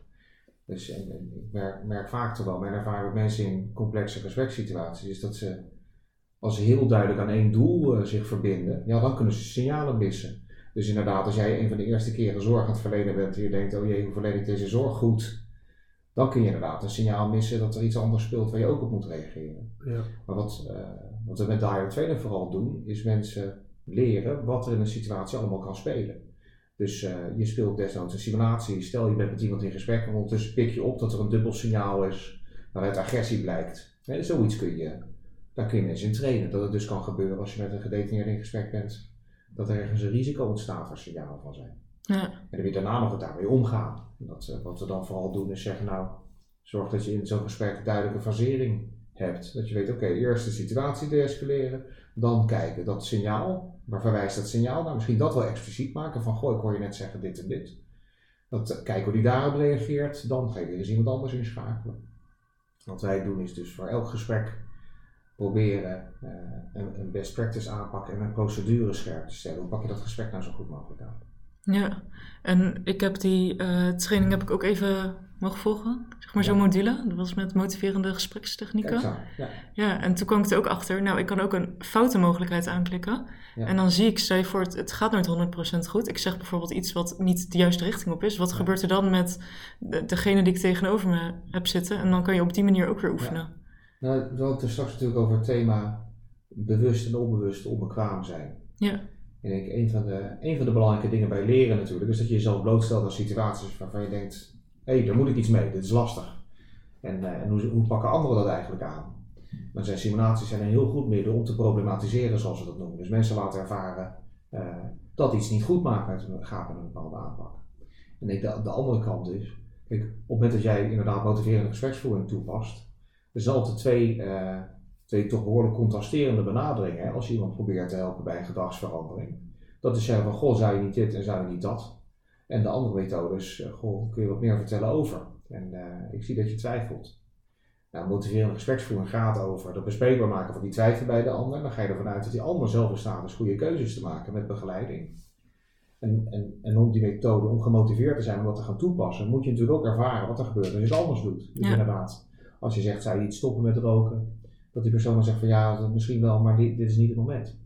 Dat, eh, eh, mijn sigaretten geven me houvast. Dat, eh, dat bij veel zorgthema's, bijvoorbeeld, bijvoorbeeld wassen ook. Hè. Je hebt mogelijk een simulatie gespeeld over iemand die betere zelfzorg moet betrachten. Nee, ik geloof dat het ging over iemand die moest stoppen met alcoholgebruik. Stoppen overal Ja. en alcohol zal het Ja. geweest zijn. Ja. Nou, dan zie je het, het feit dat je ziet wat het effect is als je een keer doet wat je eigenlijk altijd al doet, of juist een keer iets heel anders probeert. Inzicht daarin ontwikkelen, dat bepaalt uiteindelijk dat je gemotiveerd bent voor een bepaalde aanpak. Ja. Is, eh, ja, want ik was best wel aardig op weg. Zeg maar, je sc- scoort dan groen, oranje of rood. Bij die vraag, geloof ik. Ja, wat we meestal doen is we scoren mensen op allerlei schalen. Dus bij motiverende gespreksvoering kun je zeggen, nou er is een spirit van MI, zoals we dat noemen. Ja, dus dat je, dat je inderdaad samenwerken centraal stelt, de au- autonomie van de ander intact houdt. En dan zijn er vaardigheden. Dat noemen we dan de orbs. Ik geloof dat we tegenwoordig nog een i aan toevoegen, maar de orbs zijn dan open vragen, reflecteren, bevestigen en samenvatten. En volgens mij is de i dan informatie delen, maar dan nooit zonder dat je vraagt of je informatie mag delen. Nou, op al dat soort punten kun je mensen scoren. Dus je kunt mensen scoren op gedrag dat ze vertonen, dus inderdaad een open vraag stellen. Tellen dan op hoeveel open vragen stelt iemand. En je kunt iets meer op het niveau van intentie scoren. Dus inderdaad, is iemand nou, reageert iemand nou empathisch? Ja. En, dat, eh, en in feite zijn scores geef je om mensen inzicht te geven in wat er eigenlijk te leren is in een situatie en ook voortgang te laten ervaren. Ja, mooi. En eh, we hadden net een kleine voorbespreking en toen gaf je eigenlijk ook aan, als je de, het gesprek ingaat en je hebt in je hoofd dat je wilt gaan de-escaleren, dan zit je eigenlijk op die de-escalatie, waardoor je de andere Ja. punten dus eigenlijk niet ziet. Dat is ook denk ik Ja. wat je net noemde, een mooi voorbeeld om misschien nog een keer te noemen. Kijk, ik, ik heb mezelf ook jarenlang aan schuldig gemaakt aan communicatie- en. Waarin ik bijvoorbeeld leerde mensen open vragen stellen. En dan kwam een acteur binnen en eh, dat rij- rijtje hadden we doorgelopen, hè, wie, wat, waar, waarom, wanneer. Ging hartstikke goed, konden ze zo achter elkaar opnoemen. En er kwam een acteur binnen en die acteur zou zich voorstellen, maar alleen maar aan de hand van de open vragen van mensen. En als er een gesloten vraag was, dan was het altijd al ja of nee. En, en dan zie je op zo'n moment, en wellicht hebben jullie ook die ervaring, dan wordt de ene na, na de andere vraag wordt gesloten. Dus zelfs een vraag, hoe ben je hier, eh, ben je hier met de auto? En wat je daar merkt is dat als je, als je op zo'n vaardigheid als open vragen stellen focust, dan gaat het fout. Ja. En dat, dat, is, dat is niet hoe een brein werkt. Nou, ons uitgangspunt bij mensenontwikkeling in gesprek is dat je in feite rollen definieert bij mensen. En mensen traint in gespreksfaseringen zien. Dus inderdaad, eh, slecht nieuws brengen waar we het net over hadden. En wat is nou jouw rol bij het brengen van slecht nieuws? Dat is niet voorkomen dat er een escalatie plaatsvindt. Hè? Als dat je doel wordt, dan is niet brengen van het nieuws is de beste route. En dat zie je inderdaad vaak gebeuren. Mensen die er eh, eh, omheen draaien en uiteindelijk die vreselijke boodschap niet brengen, terwijl die evident is en alles bepalend voor de situatie. Ja. Nou, dan proberen mensen te trainen om eerst kort contact te maken, dan de klap uit te delen. Vooral om vervolgens te kunnen gaan opvangen en goed voor die persoon te kunnen gaan zorgen na het brengen van het nieuws. Maar niet heel eenvoudig, oh jee, ik hoop dat u niet boos wordt. Want hij wordt wel boos. Daar is Ja. slecht nieuws voor. En ik denk dat dat bij jou ook, eh, en dat is op een gegeven moment waar je als professional denk ik heel veel ervaring eh, ontwikkelt. Ja. Dat je als je met gedetineerden werkt, je hebt gewoon zoveel gesprekken gevoerd met mensen. Je weet zo wat er, wat er, wat er toe doet in die situatie. Ja, ja. En waar, waar schaamte zit en waar iemand op aanspreekbaar is. En dan navigeer je denk ik voortdurend, navigeer je daartussen. ja En dat is het vak. Vooral eh, gedrag benoemen doen wij. Ja. Ik zie nu dat je, eh, ja, dat je boos bent. Hoe komt dat? En, eh, Ja. Dus inderdaad bespreekbaar maken wat je ziet. Ja, dat is, bij, dat is natuurlijk bij iedereen ook anders. Eh, het- het- ja, je kan ergens een gesprek proberen in te gaan waarvan je denkt, nou we doen het zo. Ehm, en dan loopt het vaak ook anders dan misschien zoals je gehoopt hebt. Maar als je maar ja, rustig blijft. En, ja goed, maar dat leer je in de loop van de tijd inderdaad. hoe je dat het beste kan doen. Ik denk bijvoorbeeld, eh, noemde net al iemand die afkikt van GHB. Ik kan me voorstellen, de eerste keer dat je dat meemaakt, dat je denkt, oh straks komt hij eruit en dan zal hij wel denken, wat is er allemaal gebeurd? Ja. En tegenwoordig weet je, dan zal hij denken, wat is er allemaal gebeurd? En misschien is het eerder gebeurd, of Ja. niet. En misschien heb je al meer informatie, je weet, oh, daar zit een stuk schaamte. Er zit ook een heel ander stuk, waar, is men, waar zijn mijn drugs misschien eh, in Ja. dit geval. Dus je kunt gewoon steeds beter navigeren in zo'n gesprek. Dat is wat ervaring is. Ja, ja, Ja. En ik zat er straks ook te denken bij wat je vertelt over die samenwerking met die PIW'ers. Stel nou dat er spanning in die relatie met die PIW'er zou zitten, dan zou jij dus je werk veel minder goed kunnen doen. Want je pikt minder signalen op, ja, je bent minder vrij in je bewegingsruimte. En jij gaat een gesprek nu aan en je weet dat een PIW'er is die let op veiligheid terwijl jij een gesprek voert. En zelf let je ook een beetje op veiligheid. Maar je weet dat je weggetrokken wordt op het moment dat dat nodig is. En dat stelt je in staat je werk goed te doen. Ja. En dat is hoe een organisatie werkt. ja. Ja, als je die samenwerking niet zou hebben, zou je dus voornamelijk gericht zijn op die de-escalatie voorkomen in plaats van op de Ja. andere signalen oppikken. Ja, dan zou je Ja. zeker minder bereiken in je gesprekken. Ik denk Ja. dat, is, eh, dat is evident. Ja. Mooi hè, dat je dat benoemt, interessant. Ja. Ja, we hebben nog wat vragen van Instagram. Eén vraag was, eh, hoe ga je om met familie en naasten binnen de gevangeniszorg? Ja, die, die, ehm, ja die, die, die- daar hebben we eigenlijk geen contact mee. Ehm, die worden ook niet bij het zorgproces eh, betrokken. Eh, in het verpleeghuis waar ik gewerkt heb, eh, ja, heb natuurlijk wel, hè, dan zit je ook met familie in gesprek. Alleen, ja goed, er kunnen situaties zijn dat, dat er dan toch uiteindelijk wordt gesproken met een familielid, maar dat is dan vaak als iemand bijvoorbeeld terminaal eh, ziek is of Ehm, ze, ze ontvangen natuurlijk wel bezoek bij ons, hè? alleen daar zijn wij zelf natuurlijk niet bij. Ehm, dus ja, we hebben geen direct contact met, familie, met familieleden. Nee. Nee. Dus die betrek je niet in de zorg. Ze zoeken mij wel eens op trouwens hoor. En hoe dan? Ja, via Instagram. Ja? Ja hoor, krijg wel eens een berichtje. Joh, eh, de zoon die ligt bij jou, hoe is het met hem? En wat doe je dan? Ja, niks. Niet reageren? Nee, Nee. nee. Nee, dat, kan, dan- dat mag ik natuurlijk niet doen. nee. Dus eh, ik, ik krijg wel eens berichtjes van familieleden. Dat, dat was in het begin vond ik dat heel gek natuurlijk. Ja. Maar ik snap dat ze proberen contact te zoeken en te weten, om te weten hoe het met iemand is. Nee, ik, ik heb dat andersom wel een keer gehad, ook op Instagram. Ja, er was iemand die had een canule, was thuis. En die stuurde mij een berichtje van... Mijn vader is benauwd, wat moeten we doen? Oh, echt? Ja, Oh, wauw, ja. ja wat, ik, sowieso, ik lees mijn berichtjes op Instagram, die meldingen staan uit. Ja, Dus ik ben zeker niet degene die ze moeten berichten. Dus geadviseerd om ook naar de SCH te komen. ja. En die is daarna dan ook opgenomen. Oké, ja. Ja, dus een dunne lijn wat je soms, zeg maar, als je veel bereik hebt. Ja, dan Ja. Is, dat is ook het nadeel natuurlijk dan. Ja. Ja. Ja. ik, heb, ik, heb, ik maak natuurlijk heel veel foto's hè, Ja. mijn werk en dan geven de patiënten toestemming voor en moeten ze een formuliertje voor tekenen. En, eh, nou, dan vragen ze natuurlijk waar het allemaal te vinden is. Nou, dan zeg ik dat ook gewoon, hè, eh, mijn Instagram en mijn Facebook. Nou, dan hoor ik ze wel eens op de gang bellen naar huis en zeg ik, eh hey, ma, ja, je moet even bij, hoe heet je pagina ook alweer? En dan uh, Oh, is ja. het bijspoeder Rick, oh je moet kijken, want ik sta op de foto daar. ja, dat is natuurlijk Ja. heel gek. Ja, Ehm, dus ja, ik denk dat ik in die loop van de tijd ook best wel veel familieleden van, eh, eh, ja, van patiënten op die pagina heb. Dat mag ook, want het is gewoon open, vrij voor Ja. iedereen. Dus iedereen mag mij volgen. Maar dat, zijn, dat waren wel gekke dingen in het begin, ja. ja ik, ik kan me voorstellen dat er ook wel een enige frictie ontstaat tussen... Hey, ik kan thuis eigenlijk niet delen wat ik allemaal meemaak, maar Ja. op Instagram kan iedereen me Ja. volgen. En dus ook de familieleden van... En dan krijg ik weer vragen. Ja, ja, ja, het is, ja het- mijn vrouw vond dat niet zo'n goed plan hoor, toen ik begon met die Instagram pagina. Nee. Heb je een doel eigenlijk voor je Instagram pagina? Het doel is ehm, eh, openheid geven. Eh, en het belangrijkste doel is eigenlijk laten zien dat je dus als verpleegkundige niet alleen maar in het ziekenhuis of in de thuiszorg, maar dat je dus ook bij DEI eh, kan gaan werken. Ja, en ik wil ook een beetje het stigma wat gevangenissen hebben, dat laten zien dat dat natuurlijk niet klopt.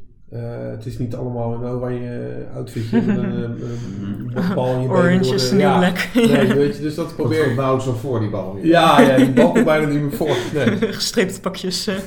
Dus dat, ja, dat wil ik een beetje doorbreken ook. Dus, Ja, en eh, misschien ook wel dat iedereen dus gewoon goede zorg verdient. Ja, dat vind ik wel. Ja. Ja. Wat, je ook, wat je achtergrond ook is. Ja, mooi. Ja. Is dat trouwens vanuit, vanuit DEI? Mensen weten dan dat je zo'n Instagram-account hebt. Zijn, Ja. zijn ze daar expliciet voor? Want ik kan me voorstellen dat, je, dat, er, dat er... Er zullen toch een aantal nieuwe collega's eh, begonnen zijn omdat ze van jou Ja, dat klopt. is. Dat klopt. Ja, ja, Dat maar, ja. ja het is, weet je, ik kwam naar werken in eh, 2018 en toen, ehm, eh, ik werd na drie of vier maanden gevraagd of ik ambassadeur wilde worden. Ehm, en toen heb ik gelijk ja gezegd, Ja. want ik wil gewoon laten zien wat voor mooi werk ik doe. En eh, ja, toen liep ik dus met een telefoon in die gevangenis, met mijn eigen mobiel.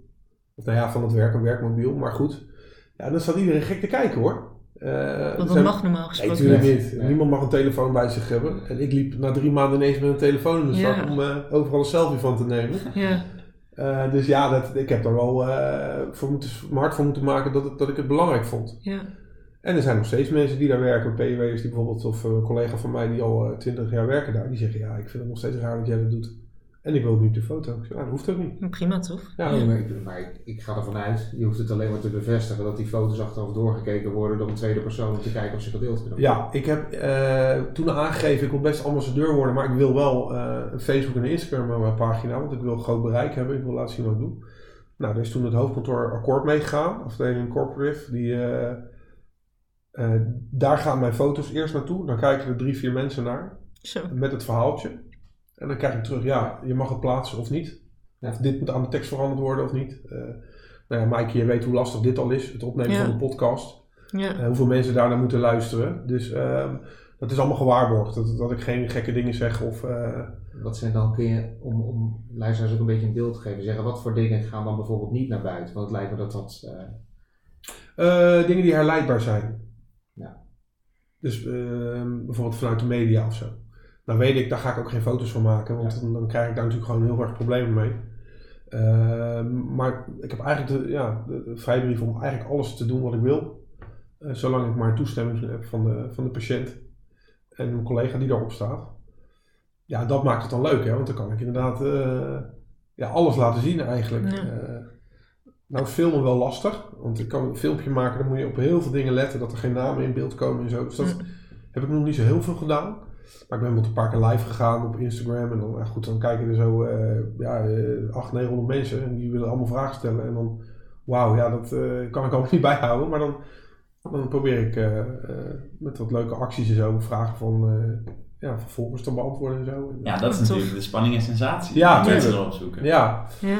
ja. En dan lijkt het natuurlijk toch wel elke dag eh, het meest spannende werk doen wat er bestaat. Ja, Eh, jij bent natuurlijk superheld bij Ja, het ja, op ja. dat moment. Ja, dat is natuurlijk niet elke dag zo. hè. Ik bedoel, het is niet elke dag dat je eh, de meest heftige dingen tegenkomt. Maar het is, ja, het, is, het is wel echt het leukste wat ik ooit gedaan heb. En ik, denk, ik zie mij nou niet hierna bijvoorbeeld in een regulier ziekenhuis werken. Nee. Ik denk niet dat ik daar pas. Ja. Nee. Misschien wel een mooi bruggetje om verder te gaan naar die spanning en sensatie. Eh, ik wilde eigenlijk eerst nog eh één dingetje be- ja, bespreken met jou. Ja, Eh, want ik heb nu een wat meer beeld bij eh, die gevangeniszorg. Maar ik kreeg ook op Instagram te horen van een verpleegkundige die in de gevangenis werkt... dat zij soms geen eens weet wat voor weer het buiten is. ja, dat, eh, Ja? Het is, dat, dat, dat, dat klopt, ja. Ja, het is, ja ik, ik heb dan wel eh, lunchpauze en ik, ik zie dan wel wat voor weer het is. Want er zijn natuurlijk ook gewoon wel ramen. Maar ja, het, het- dat zeg ik. Als ik dan klaar ben met werken en ik loop die deur uit en ik voel die wind en ik zie de zon schijnen. En dan denk ik, wauw, ja lekker, ik kan naar huis toe. Maar er zijn soms dagen inderdaad dat je dat, je, ja, dat, je dat niet allemaal meekrijgt. Bizar. Ja, Het ligt echt heel aan, aan denk ik ook in wa- in welke bias je werkt. ja, ja. Want eh, er zijn er echt wel die zo binnen zijn dat je niet naar buiten kunt kijken. Nee. Dat is bij jullie blijkbaar anders. Ja, nee, je kan wel naar buiten kijken. Ehm, maar goed, er zijn ook cellen die hebben een raam eh, twee meter hoog. Ja, dan kan, of drie meter hoog. Ja, dan kan niemand kan naar buiten kijken. Ja, je ziet dan de wolken, maar verder, eh, verder niet. Ja. En dan, Ja. dan- er komt dus ook een nieuwbouw, hè? want het, het, het, het JCVZ waar ik werk, dat gaat tegen de vlakte. Dat is een oud gebouw. En er komt een tijdelijke nieuwbouw eh, op hetzelfde terrein van de PH landen. En dat heb ik ook op mijn Instagram laten zien. Dus dan kan je een soort virtuele tour door dat nieuwe pand. En dan zie je dat het nog meer ramen worden en veel lichter, en veel Mm. groen en allemaal rustige tinten. En ja, mooi. ja, dus het wordt wel. eh, eh, het, het, het straalt minder gevangenis uit door al die tralies, zeg maar. Dat, eh, dat, dat wordt wel minder. Ik denk dat, dat zijn we toch een prachtig soort maatschappij. Hè? Dat, we, dat we inderdaad gevangenissen hebben. Waarbij we kijken hoe maken we dat nou een zo fijn mogelijke omstandigheid om je tijd door te brengen. Ja, Toch. En zo fijn mogelijk is dan wel, de, hè, de, de deur gaat dicht en je zit er vast. Het is echt geen hotel. nee. Maar het, eh, het straalt geen agressie uit of zo min mogelijk. Ja. Maar het is wel menselijk. Ja, Hebben jullie het boek De meeste mensen deugen gelezen? Ja. natuurlijk. Ja. Over de gevangenis in Noorwegen, geloof ik, schreef hij een in ieder tijdje. geval, even als psycholoog moet ik toch even daar het podium voor pakken. De gevangenisexperimenten van Zimbardo is dus schaamteloos. Oh, Wat hij heeft neergezet over hoe mensen in elkaar zitten, dat helemaal Ja. niet klopt. nee, Ja, dat nee, klopt, ja, is helemaal niet ja, bizar hè? Ontzettend heftig. Ja. Dat hij dan refereert uiteindelijk. Dat, hij toch, eh, dat zijn eh, onderzoek het meest gepubliceerde psychologische onderzoek is en daardoor waarde heeft. Maar heeft het mensbeeld van generaties heeft hij verstoord. Ja, bizar. Ja, en wil je dan misschien ook wat zeggen over de gevangenissen die juist een heel mooi voorbeeld zijn van hoe het nog mooier en nog vrijer kan? Dat stuk, weet je dan waar ik het over heb? Nee, ik weet niet precies waar je het over hebt. Nee, dat eh, het is ook even geleden. Ja, ik moet nu een heel goed eh, verhaal fabriceren natuurlijk, hè? maar volgens mij is dat een, een soort open community, zo open mogelijk in ieder geval. En het Ja. doel is echt om mensen weer te laten reïntegreren in de samenleving. Ja. In plaats van dus iedereen in één eh, cel of iets dergelijks te stoppen, gaan ze juist uit van het, dus inderdaad het principe dat de mens goed is. Ja. En waar heel veel mensen dan zeggen van ja, dat kan niet, het zijn allemaal veroordeelden. Ja. En die gaan nu met elkaar op de vuist en dergelijke. Hebben ze juist hele mooie resultaten. En heel veel mensen die dus ja, eerder gevangenen waren. Ehm, jij zei net bijvoorbeeld, mensen worden heel vaak weer opnieuw, nou ja, voor jou is het opgenomen. Ja, En zij zien dat dus heel weinig door die projecten. Ja, maar die, die overigens de, de Nederlandse cultuur wordt natuurlijk wel vaak vergeleken met Scandinavisch, ook in het gevangeniswezen. Ja, En ik geloof zelfs een paar jaar geleden dat er Scandinavische gevangenissen in Nederland ergens vast hebben gezeten. Net als dat er Belgen zaten in, eh, in Tilburg, was het, meen ik. Dat, eh, dat, Nederland heeft een tijd lang eh, voorzien in behoefte aan cellen van andere landen. En Scandinavië, dat ging nog wel, omdat wij ook ja, heel erg die zorg en verantwoordelijkheid centraal hebben. En weten natuurlijk wel van mensen dat als je, als je ze inbedt in een sociale omgeving, gaan ze zich vaak gedragen naar die sociale omgeving. En dus als je, als je een sfeer creëert waarin mensen verantwoordelijkheden hebben, dan is de kans groter dat ze zich verantwoordelijk gaan gedragen. Dit is, dit Klinkt de zo logisch. Ja. Ja, dat, eh, Ja.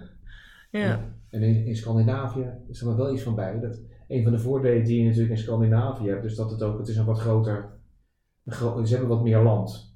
ja, ja. Dus je kunt een community bouwen ergens Ja. die toch redelijk afgezonderd is van andere communities, zonder Ja. dat je de trein direct kan pakken naar een dorp verder eh, Ja. op 10 minuten. Dat, eh, Ja. Dus Ja. het, eh, nee, maar, dat, maar ik, ik geloof zelf wel heel sterk dat, eh, ja, dat, dat, eh, ik- dat, dat je zoveel mogelijk gedetineerden ook moet benaderen alsof er sprake is van een hechtingsprobleem met de maatschappij. Hè, met verantwoordelijkheid geven. En inderdaad laten nadenken over consequenties van hun daden. Dat, zal, dat gaat uiteindelijk echt niet voor iedereen op. Er zit ook een populatie antisociale, er zit ook een populatie mensen met LVB, voor wie het echt heel moeilijk te overzien is allemaal. Ja. Een fors percentage natuurlijk. Wat, wat is dat? LVB. Licht verstandig beperkt. Oh. Ja. En ja, dan, dan zijn consequenties van je daden zijn natuurlijk iets heel erg lastigs om Ja. over na te denken. Ja. Maar over het algemeen, geef mensen een omgeving met positieve anderen en je krijgt positief gedrag terug. Ja, mooi. Hè, dat is waarom het ook, ook generaties duurt voordat je goede, goede maatschappij opbouwt natuurlijk. Die, eh, Ja. dat je mensen verantwoordelijkheden geeft en lange termijn perspectieven. Ja, een mooie insteek. Ja. En dat is overigens die insteek is echt, denk ik, de insteek van het hele Nederlandse en Scandinavische gevangeniswezen. Dat, eh, ja, daar mogen we best een beetje trots op zijn. Dat is ook de missie van DI inderdaad. Als je dat leest op de website, dan eh, wordt dat inderdaad ook wel zo benoemd. En de visie die hun hebben op eh, de gevangenissen hier in Nederland. Ja, ik denk dat alle, al die kleine schakeltjes, hè, of, of iemand nou twee weken bij mij ligt of een jaar, ik, ja, wij doen allemaal helpen inderdaad om iemand terug eh, de samenleving in te brengen op een goede manier. Ja, dat is het doel. Ja. Resocialisatie. Ja, Ja. en als ik daar dan een klein steentje, steentje aan bij kan dragen, dan, eh, dan vind ik dat heel fijn. Maar ja, goed, als iemand voor de derde keer terugkomt, ja, dan, Ja, dat is ook schrijnend. dan is dat lastig. Ja. Ja. Ja. Ik vind het ook altijd interessant als je kijkt naar motivatie van mensen. Dan, ook psychologie-studenten krijgen nog massaal les in dat er intrinsieke en extrinsieke motivatie is. Terwijl als je iets meer emotieonderzoek gelezen hebt en motivatieonderzoek, dan weet je dat die intrinsieke motivatie, dat zijn heel veel verschillende dingen waartoe je gemotiveerd kunt zijn. En dat is natuurlijk ook, als je gevangeniswezen hebt waarbij je mensen straft voor delicten, dan is dat, nou dat zou op extrinsieke motivatie werken, dus eh, doe het niet meer of anders. Maar juist het resocialiseren, dat gaat over al die andere dingen. Van joh, wat, wat, wat wil je nou? Goh, je bent nu vader geworden, wat betekent dat voor je leven? Nee, Een heel interessant gegeven dat we weten dat mensen rond een, bij een antisociale persoonlijkheidsstoornis, vaak neemt die af na de 27e, na het 27e levensjaar. En dat is omdat je dan gewoon een andere maatschappelijke rol krijgt. Ah, Ja, dat, eh, dus dat wil je zoveel mogelijk op werken met zo'n systeem. ja. Interessant. Ja. Ja. Laten we verder gaan naar de spanning, sensatie en het gevaar van. Toch eh, even. ja. Spannend. Toch even opzoeken. Even Ja. spannend. Ja. ja. Ja, Rick, kan jij misschien iets vertellen over gevaarlijke situaties? Of misschien iets van spanning, sensatie en gevaar? Ja, het is, dat, dat, die vraag krijg ik heel vaak. Hè? Van joh, eh, hoe gevaarlijk is het nou bij jou? Het is toch een gevangenis. eh. en, nou moet ik zeggen dat het, bij- dat het bij ons echt wel heel erg meevalt. Ehm, waarom? Omdat die patiënten hebben allemaal een lichamelijke aandoening. Hè? Dus je gaat, eh, je gaat niet lopen matten met elkaar als je bijvoorbeeld je been in het gips hebt of eh, Mm. Je zit aan een infuus met antibiotica. Dan, dat, gebeurt niet zo heel vaak. Maar het kan inderdaad wel, ehm, het kan soms wel spannend zijn. Ehm, als ik, als ik ehm, als de, de, de PI binnenloop, dan hangt daar een heel eh, rek met allemaal piepers. En dat is dus mijn beste vriend eh, voor de hele dag. Hè. Er zit een alarmknop op. Eh, die heb ik wel moeten indrukken, inderdaad. Ik bedoel, als er een situatie is. ik heb er is wel eens een vechtpartij geweest op de gang waarbij ja, een jonge man eh, met twee PUW's op de grond lag eh, te rollenbollen. En ehm, ja, toen heb ik alarm gedrukt. Ja, en dan staat er binnen nuttele seconden staat heel die gang vol met allemaal beveiligers. En eh, ja, wordt iemand eh, afgevoerd uiteindelijk naar een, eh, strafcel. Dat is misschien goed, Rick, om even te vertellen wat nou de procedure is als je een alarm indrukt. Ja, Wat is dan de bedoeling? nou de bedoeling is als er, een, als er een calamiteit is, dus stel er is een vechtpartij of iets, dan trekken wij als verpleging ons terug. Wij doen daar niks mee. Wij gaan niet eh, lopen helpen. Wij zijn er niet voor getraind. Wij, eh, wij moeten zeg maar eh, zorgen dat we, dat we weg zijn. En we drukken op het alarm. En wij blijven in de zorgpost met de deur dicht totdat ja, de rest van de, van de bewaking er is. En die, ja, die deescaleren de situatie. En dan wordt iemand, die krijgt dan een straf. Die gaat dan naar een, andere cel. Nou, waar, waar ook een beetje op doel, ik, weet niet, ik vermoed dat het nog steeds is. Maar dat als je op alarm drukt, dan loopt iedereen. Iedereen loopt naar die plek. Ja, ja. Omdat je dan gewoon met een massa mensen bent. Ja. Niet om fysiek in te grijpen, maar om daar met een massa mensen te zijn. Een heel duidelijk signaal naar gedetineerden. Ja. Dat, er, dat er iets aan de hand is. Er is heel veel overmacht van personeel. Iedereen loopt er naartoe. Jullie als verpleegkundige trekken je dus Ja. terug of zo. Ja, wij gaan er niet bij staan. Ja. Nee. Ja. Via Ja. Instagram hebben we eh, ook... Ik ben in gesprek geweest met een gevangenisverpleegkundige. En die geeft het dus ook aan. Dus wel mooi dat eh, die bevestigt dit. Ze eh, dat ze het wel eens eh, spannend vindt. En het kan ook wel spannend zijn. Maar als hij dan op die rode knop drukt... dan staat de gehele ruimte binnen mum van tijd vol met collega's. Ja, En eh, zij zegt ook, bij die zorgverlening denk ik altijd aan de patiënt en de zorgvraag die hij of zij heeft. En die is dan ook wel vaak daar zeg maar heen te sturen. Dus voordat het escaleert, als je het hebt over de zorgvraag. ja. Ja maar dat, dat Ja. klopt ook wel. Veel herkenning. Ja, dat herken ik ook wel. En die, die, die pieper die ik bij me heb, er zit er ook een trekker in. Dus die weet ook waar ik in het gebouw ben op dat Oh ja. moment. Dat is natuurlijk wel handig om te weten. Ehm, ja, dus dan, ehm, ja goed, en dan als die situatie voorbij is, ja, dan, eh, dan gaan we gewoon weer verder. Dan ga je weer de orde van de dag. En, eh, eh, maar goed, ja, ik ben, ik ben natuurlijk wel eens uitgescholden. Er is wel eens naar me gespuugd. Hm. ik ben bijna één keer naar mijn keel gegrepen, maar toen kwam er ook een PW tussen. Maar dat zijn, dat zijn dat is een klein handjevol aan, aan ehm, incidenten in die jaren dat ik daar werk. Dus het, het, het komt niet heel vaak voor. Ja, Ja. ja. Nee. Want ik ben ook wel eens een keer uitgescholden. Oh, ik ben zo vaak Ja. uitgescholden. Ja. Ja, dus dat komt wel geregeld voor bij Ja. het verpleegkundig vak helaas. Wat is nou een situatie die je echt heel erg is bijgebleven, die je wel nu zou kunnen vertellen? Nou, dat was, dat was eh, eh, eh, wat ik net al zei, hè, ze liggen vaak met somatische problemen bij ons. Maar dit was een jonge man die, was, eh, die, had- die zat in een psychose. En die, ehm, ja, die dacht dat ik hem s'nachts had wakker gemaakt om het kwartier. eh, Elke keer tegen zijn deur aan te kloppen. Dus ja, die deur ging 's morgens open. Ja, en hij speurde die cel uit door die PUW'ers heen. En die, eh, nou, ik denk dat hij een meter bij hem vandaan was. En toen eh, konden ze hem uiteindelijk toch nog tackelen. Eh, maar toen dacht ik wel even, wauw, dit gaat even... Ja, Ja? Dit was wel dat was wel eng. Ja. En wat doe jij dan? Gelijk achter die PW'er staan? Of? ja, ik probeer natuurlijk eh, weg, te, weg te komen daar. Eh, maar goed, toen ze me uiteindelijk hadden, toen ben ik eh, naar de zorgpost gelopen, deur dicht, ben ik daar gaan zitten. Totdat ze de situatie onder controle hadden. En toen moest ik dus 's middags eh, met die jongen ook in gesprek. Mm. Want dat werd mij geadviseerd door die psycholoog. Weet je, anders dan bouw je straks eh, alleen maar angst op voor hem. En dat moet niet. Je moet nu, moet nu wel gaan praten met hem. En dat heb ik toen ook gedaan. Toen eh, uiteindelijk ging het Goede dan psycholoog. Ja, ja. Dus dat heb ik gedaan. En dat, ehm, ja, dat, dat voelde wel fijn. Want anders dan had ik inderdaad ehm, misschien wel bang gebleven voor hem of iets. Ik ben niet echt bang aangelegd. Maar goed, iemand in een psychose, als je die op je af ziet komen, dan eh, Ja. dat is niet fijn. Ja, misschien dat je dan wel had gedacht, nou, als die deur open gaat, word ik aangevallen, zeg maar. eh, Ja, zo'n idee. ja. Ja. dat Pavlov eh, wat je dan Ja. creëert. eh. En dat als je er dan heen gaat, dat je dan denkt van ja, het kan ook op een normale manier. ja. En dit, was er aan ten grondslag, dit lag er aan ten grondslag. ja. Ja, ik zat net nog te denken, ik- word je, getra- word je ge- getraind op deescalerend? Ja, wij krijgen een soort eh, weerbaarheidstraining, dat wel. Ja. Ehm, eh, en daar leer je dan wel inderdaad met bepaalde gesprekstechnieken waar we het over hadden. Hoe kan je iemand eh, ja, wat rustiger krijgen? Eh, daar zit dan ook een acteur en die, die, die- ja, die komt dan op jou af en die gaat weer van alles uitmaken en dan moet je je mannetje staan, zeg maar. Hm. Maar als je bij ons komt werken, hè, dan hadden we het al over competenties. Als je bij ons komt werken, dan moet je dus eh, aan een paar, paar, ja, toch wel een paar eisen doen. Eh, wil je eh, in aanmerking komen daarvoor? Want je kan, niet iedereen kan bij ons komen werken. Je, jij zegt net leuk, ja, ik zou, het lijkt me hartstikke gaaf. Mhm. Nou, dat hoort dus heel veel. Maar we hebben dus ook mensen gehad die zeggen gewoon na twee weken, ja, eh, nee, dit trek ik niet.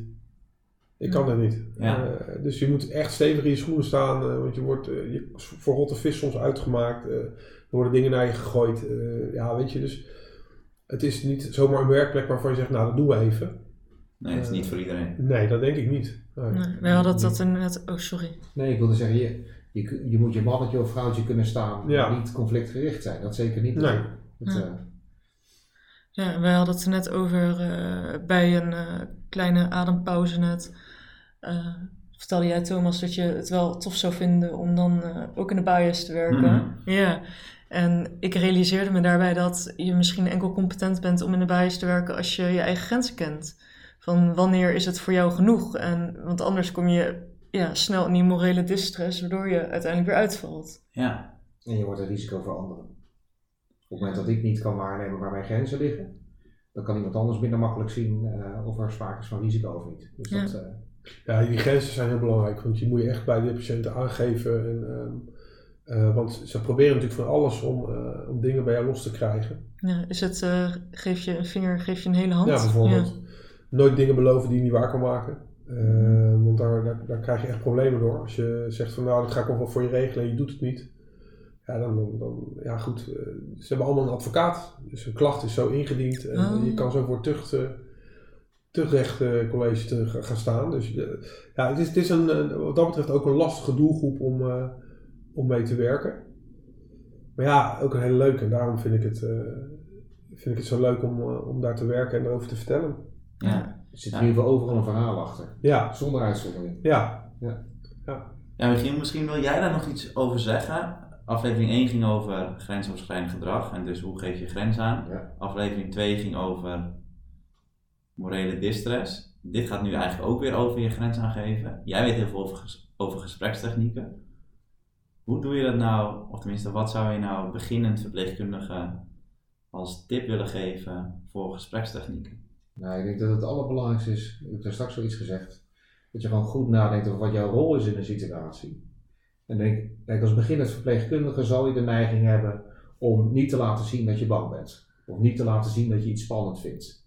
Terwijl niet laten zien dat je iets spannend vindt, betekent ook dat je het risico neemt dat dingen die je wel spannend vindt, dat je die niet opvallen. Mhm.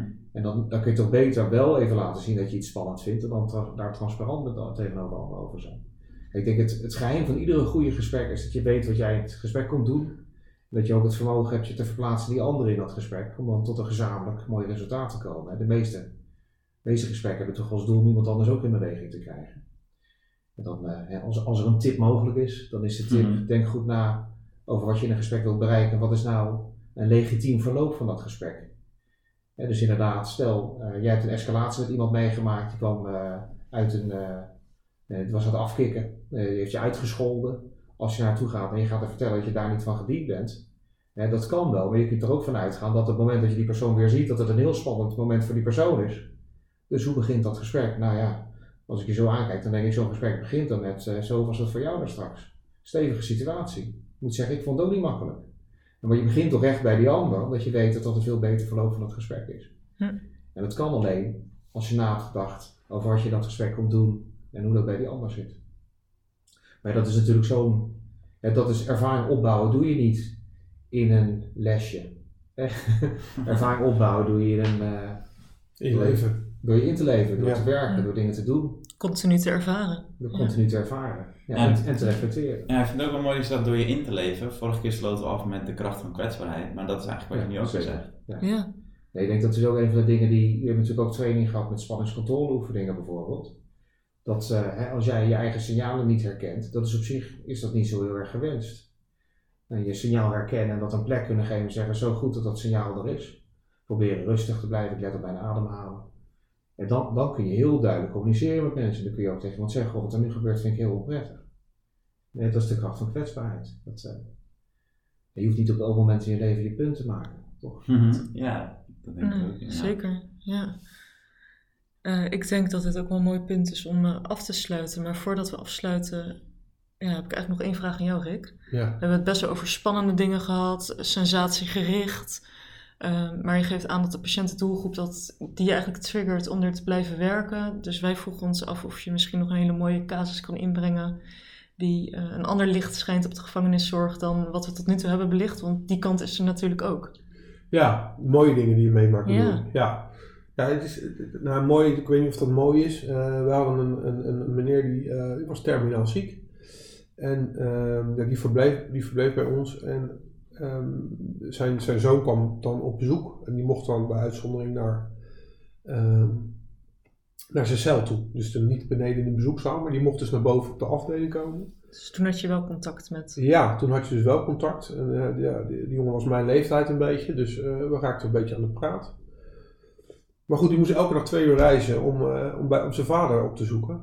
En toen ehm, zijn we als teamverpleegkundigen met, de- met onze directeur van de vestiging in gesprek gegaan van, weet je, ja, kunnen wij niet wat anders regelen voor deze meneer? En toen, ehm, nou, uiteindelijk, ik wil niet zeggen dat dat door ons gelukt is hoor, want er hangt dan heel veel dingen af.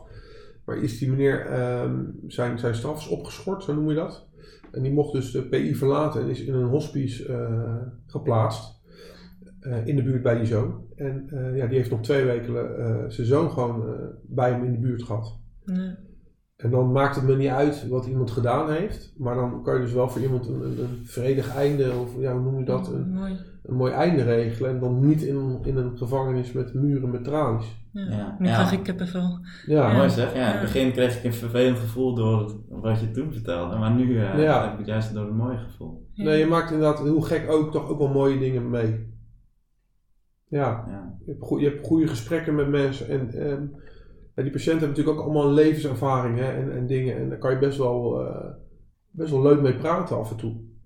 En dat verbaast heel veel mensen ook. Dat ik, eh, ik heb mijn, mijn- de namen van mijn kinderen staan bijvoorbeeld op mijn armen. Nou, dat is vaak gelijk eh, een gesprek. Van hé, hey, dat, wie, wie, wie is dat en wie zijn dat? Nou, dat kan ik best wel eens vertellen. Maar je moet verder wel goed ki- uitkijken natuurlijk wat je zegt. Ik vertel Ja. niet waar ik woon of noem maar op. Maar je kan best wel een mooi gesprek hebben met, met die patiënten. Ja. Mooi. Mooi afsluiten. Yes. Dan zijn we alweer aan het einde gekomen van deze aflevering. Maar voordat we afsluiten is het tijd voor de laatste rubriek. Namelijk de stelling. En deze is, maak jij je wel schuldig aan een dooddoener? Deze stelling hebben we opgesteld naar aanleiding van de campagne van Sieren. Ja, volgende keer eh, meer daarover. Ehm, ja, dit was het dus alweer. Heel erg bedankt voor het luisteren. We zouden het enorm waarderen als jij onze socials in de gaten houdt. Hier halen we namelijk heel veel informatie uit op om te bespreken in de podcast. Het Maaike van Sassen. At thomasgroen.nl Ja, fijn dat je de aflevering helemaal hebt afgeluisterd. Heb je nog tips, vragen, dan mag je ons altijd mailen op podcasttaboedoorbbreken.gmail.com. En als je op de stelling wilt reageren, ben je ook meer dan welkom. In de volgende podcast bespreken we er weer een aantal. Ja, bedankt Rick en Michiel. Ja, heel erg bedankt. Graag gedaan. Erg leuk om te zijn. Ja, ik vond het een eh, mooi waardevol gesprek. Leuk. Ja, thanks voor je kijk op de gevangeniszorg. Een hele, mijn blik is echt verremd. En mooie insteek op communicatie en eh, ja, hoe je eigenlijk meer bereikt door menselijk te reageren. Ja, ik denk, bij communicatie kun je er altijd van uitgaan dat je veel, mensen hoef je, of veel dingen hoef je mensen niet te leren. Ja, veel weet je al, alleen je moet het even goed organiseren. Ja. Maar Rick, het is eh, groot genoeg om te- ook tegenover jou te zitten met jouw eh, praktische expertise. Leuk, dankjewel. Ik vond het ook eh, leuk om hierbij te zijn met jullie. Ja, ja, ik vond het ook leuk. Ja, en nogmaals, de podcast werd dus gesponsord door Dialogue Trainen. En Michiel, jij wilde nog wat eh, gratis weggeven, hè? Ja, die, eh, we hebben een link staan waar mensen zich kunnen aanmelden voor een opleiding die ze bij ons kunnen volgen.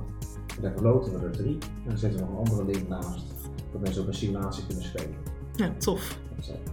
Zeker, eh, ik eh, kan het aanbevelen. Ik heb dus één simulatie gespeeld. Ik vond het echt heel tof om te doen. Je ziet eigenlijk iemand voor je in 3D gemaakt die echt het gesprek met jou aangaat. Je hebt meer keuze, opties om het gesprek aan te gaan en daar leer je dus weer van. Dus eh, ja. En wat we dus doen is, en dat is het leuke van het werk, we interviewen experts en mensen die moeten leren over hoe ze dat gesprek aanpakken.